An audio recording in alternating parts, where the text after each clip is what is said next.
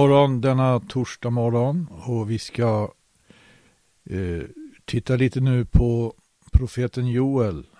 Joel och hans plats i Nya Testamentet. Finns profeten Joel i Nya Testamentet? Ja, det tror jag vi kan säga. Att han finns verkligen representerad i apostlagärningarna inte minst. Joel, bara för att lite grann titta på hans eh, budskap.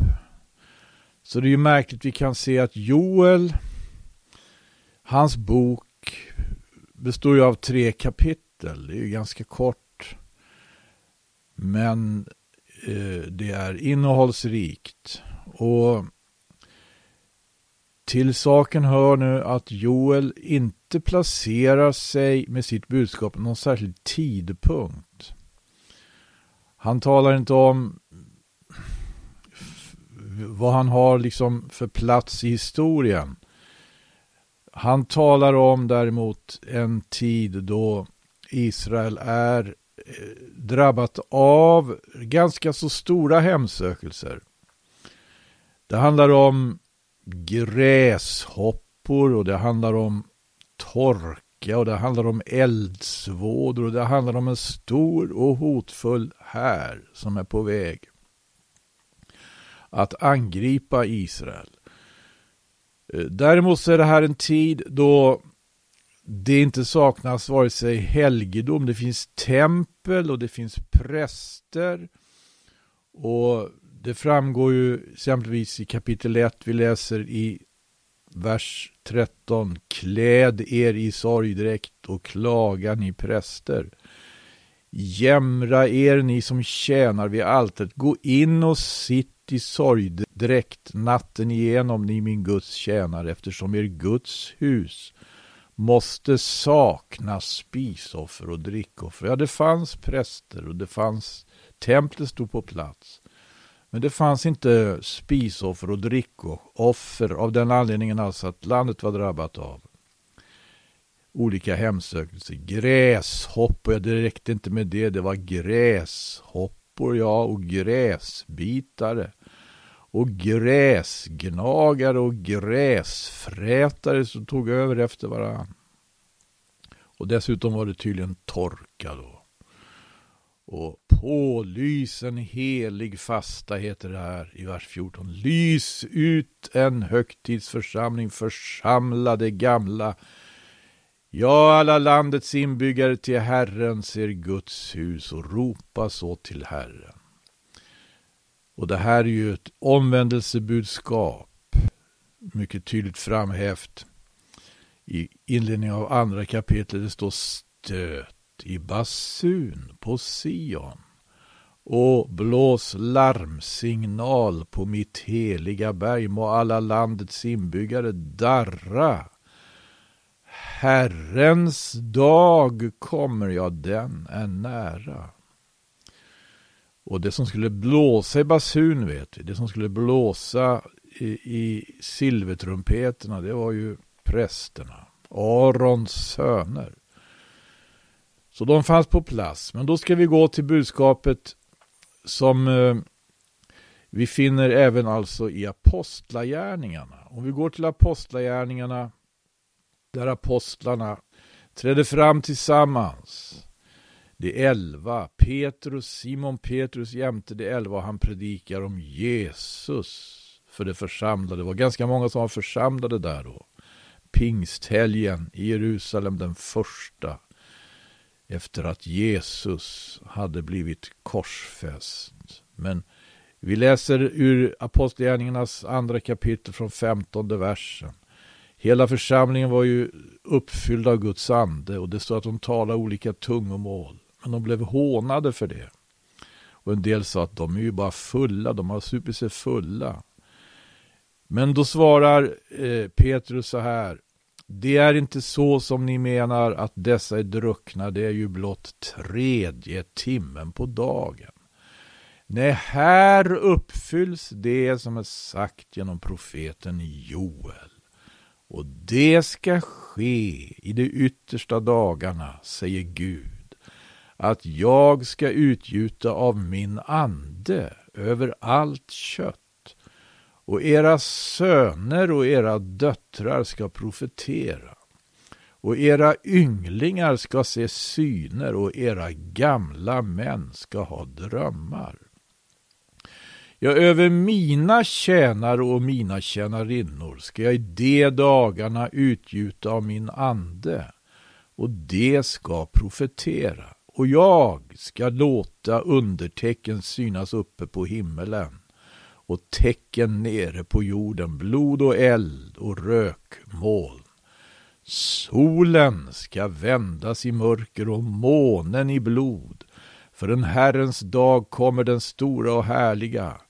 Och det ska ske att var och en som åkallar Herrens namn, han ska bli frälst. Så långt citerade alltså Petrus här Joel från vers 17 till vers 21 i Apostlagärningarnas andra kapitel. Och han fortsätter, ta bara några verser till här, av hans predikan. Ni män av Israel hör dessa ord. Jesus från Nasaret, en man som inför er fick vittnesbörd av Gud genom kraftgärningar och under och tecken, vilka Gud genom honom gjorde bland er, så som ni själva vet.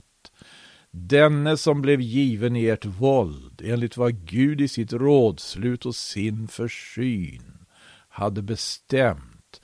Honom har ni genom män som inte veta av lagen låtit fastnagla vid korset och döda.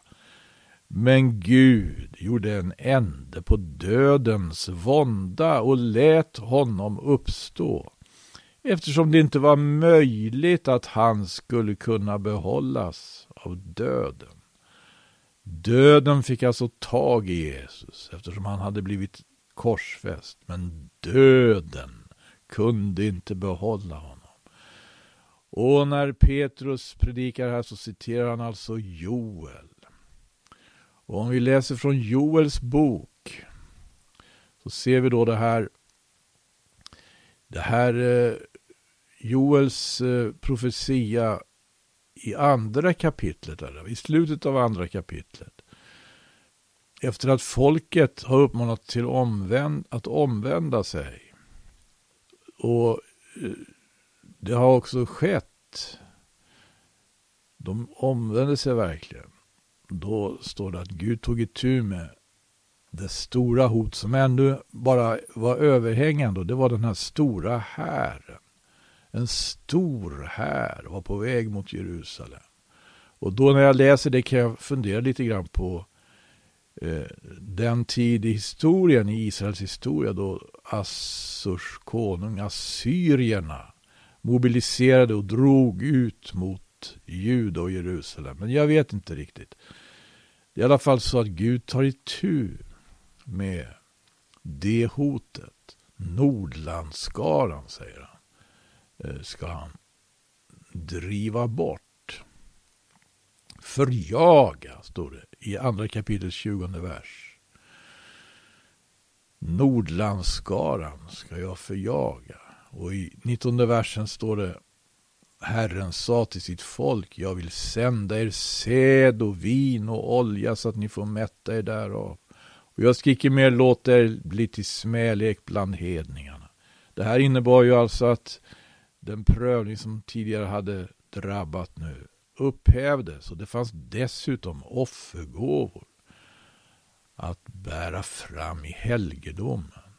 Men så står det så här då, det här jag tar samman nu, just det som Petrus citerade ifrån Apostlagärningarna 2, det är i Joels boks andra kapitel 28 vers, så står det Det ska ske därefter att jag ska utgjuta min ande över allt kött.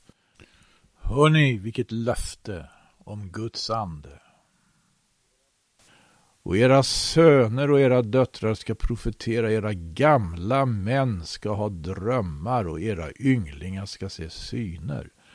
Också över dem som är tjänare och tjänarinnor ska jag i de dagarna utgjuta min ande och jag ska låta tecken synas på himmelen och på jorden, blod och eld och rökstoder. Solen ska vändas i mörker och månen i blod, för den Herrens dag kommer, den stora och fruktansvärda. Men det ska ske att var och en som åkallar Herrens namn, han ska bli frälst.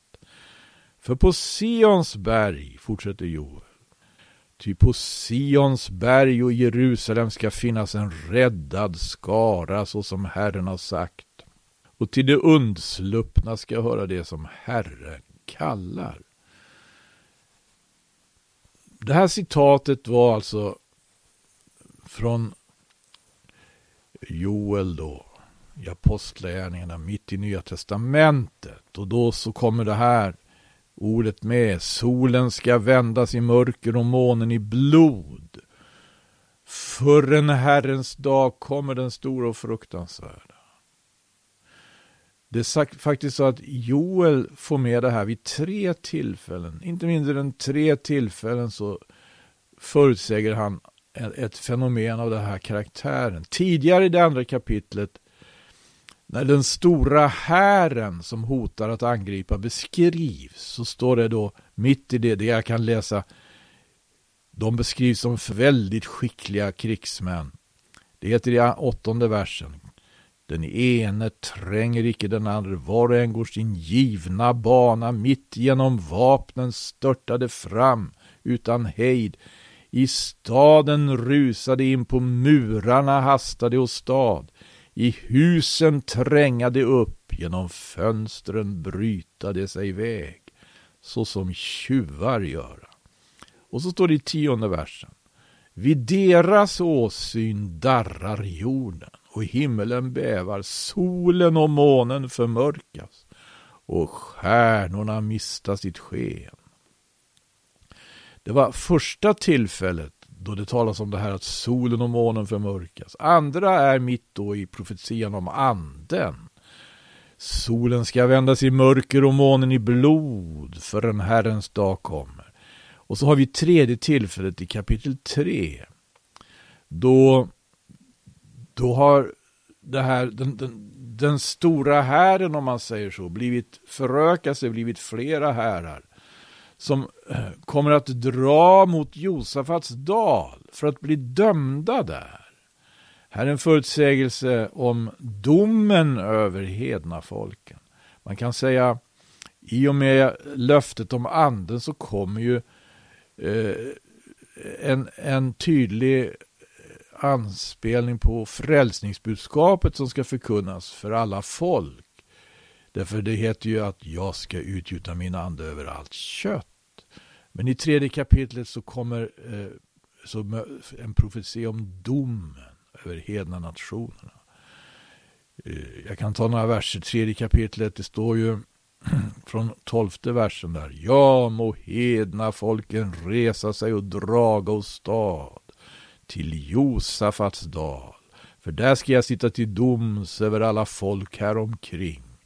Låt lien gå, ty skörden är mogen. Kom och trampa, ty pressen är full. Presskaren flöda över, så stor är ondskan där. Skaror hopa sig i domens dal. Herrens dag är nära i domens dal, solen och månen förmörkas och stjärnorna mista sitt sken. Det var tredje gången som Joel fick med det här fenomenet som ska ske i ändens tid. Men vi har det här också i Nya Testamentet. Jesus förutsäger ju sin tillkommelse när han talar med lärjungarna på Oljeberget enligt Matteus evangeliets 24 kapitel. Och när han har talat om den tid som kallas för födslovåndorna med förföljelse mot församlingen och när han har talat om den tid som kallas för vedermödan med alltså en helt obeskrivligt svår tid för hela världen. Han säger, skulle den tiden icke förkortas skulle inget kött bli frälst.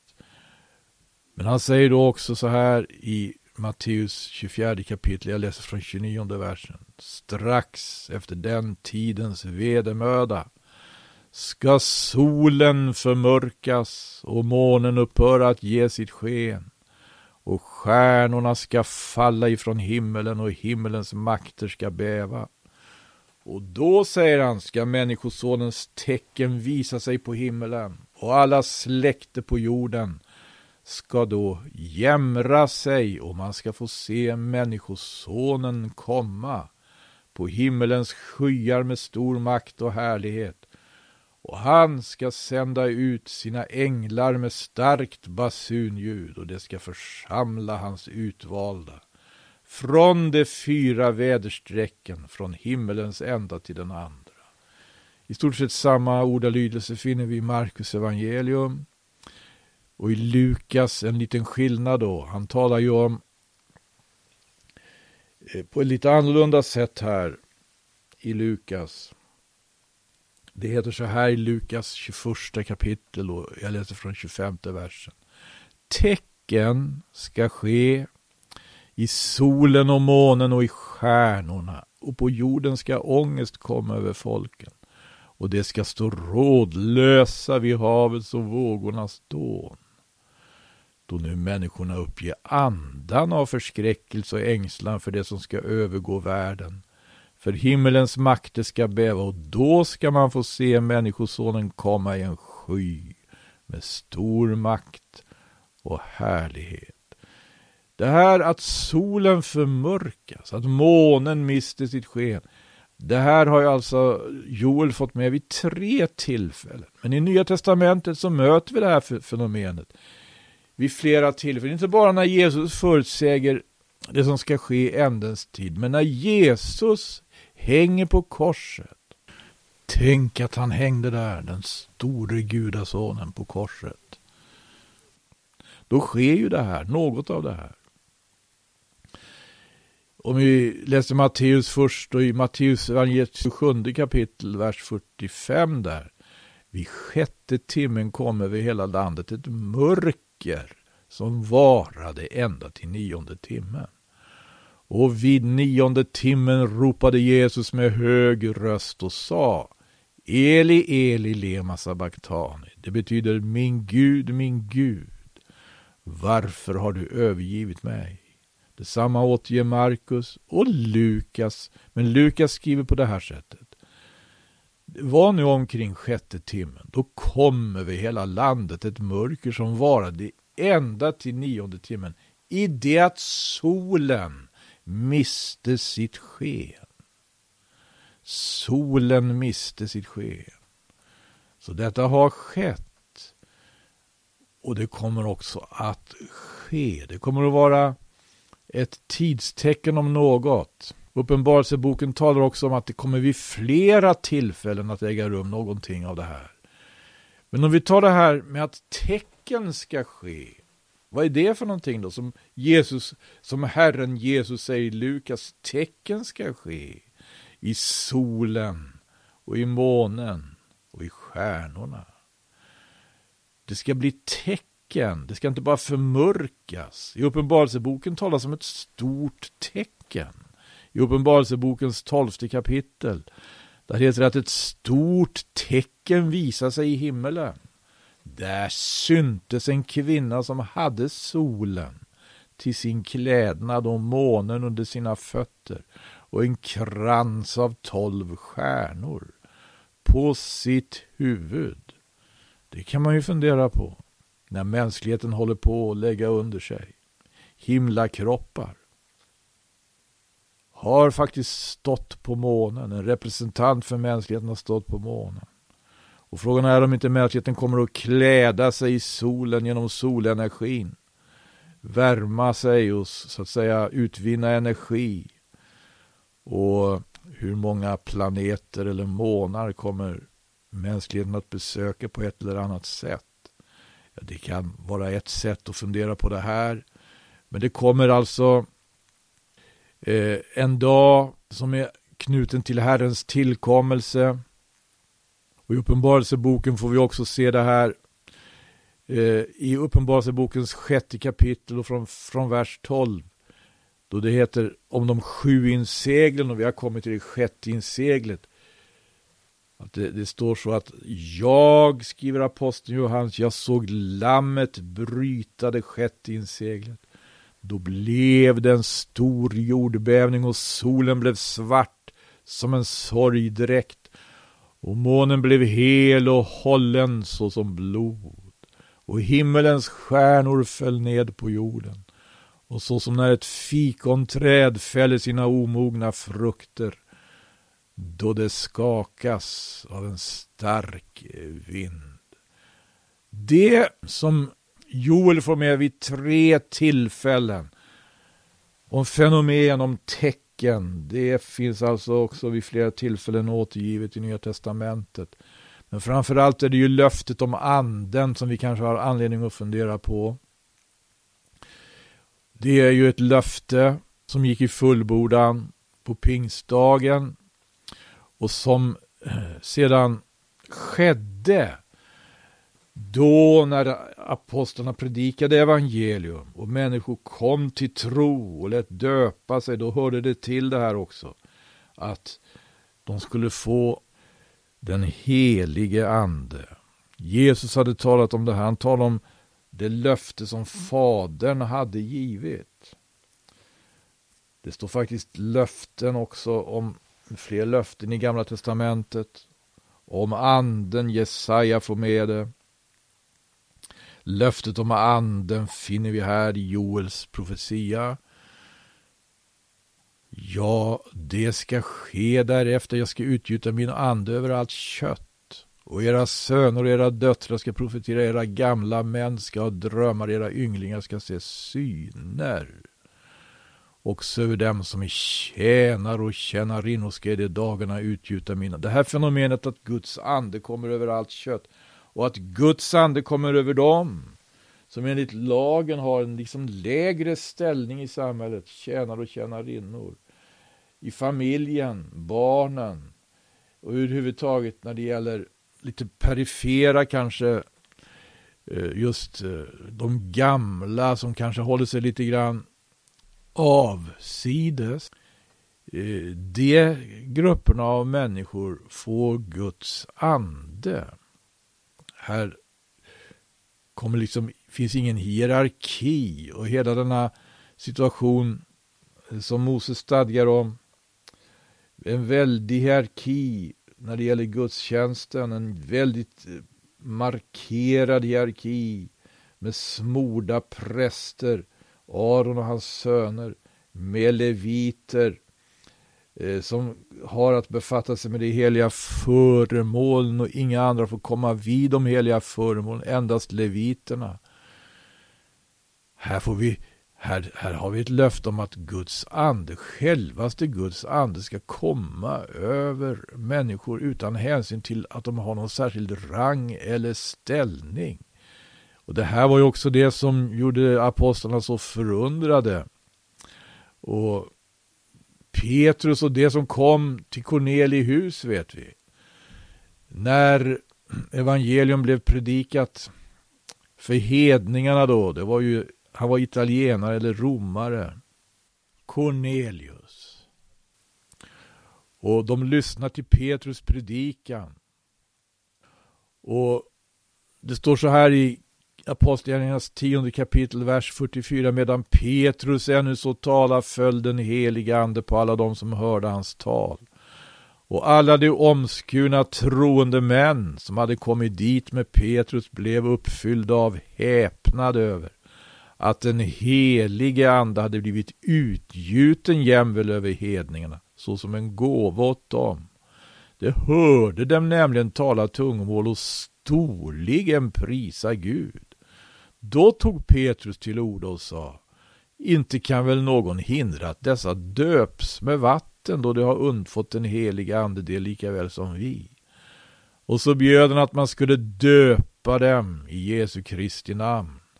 Därefter bad de honom att han skulle stanna hos dem i några dagar. Ja, så, gick, så kunde det gå till när Guds ande kom över. Det här sker när vi nalkas honom när vi lyssnar till hans röst och när Kristus får bli målad för våra hjärtan.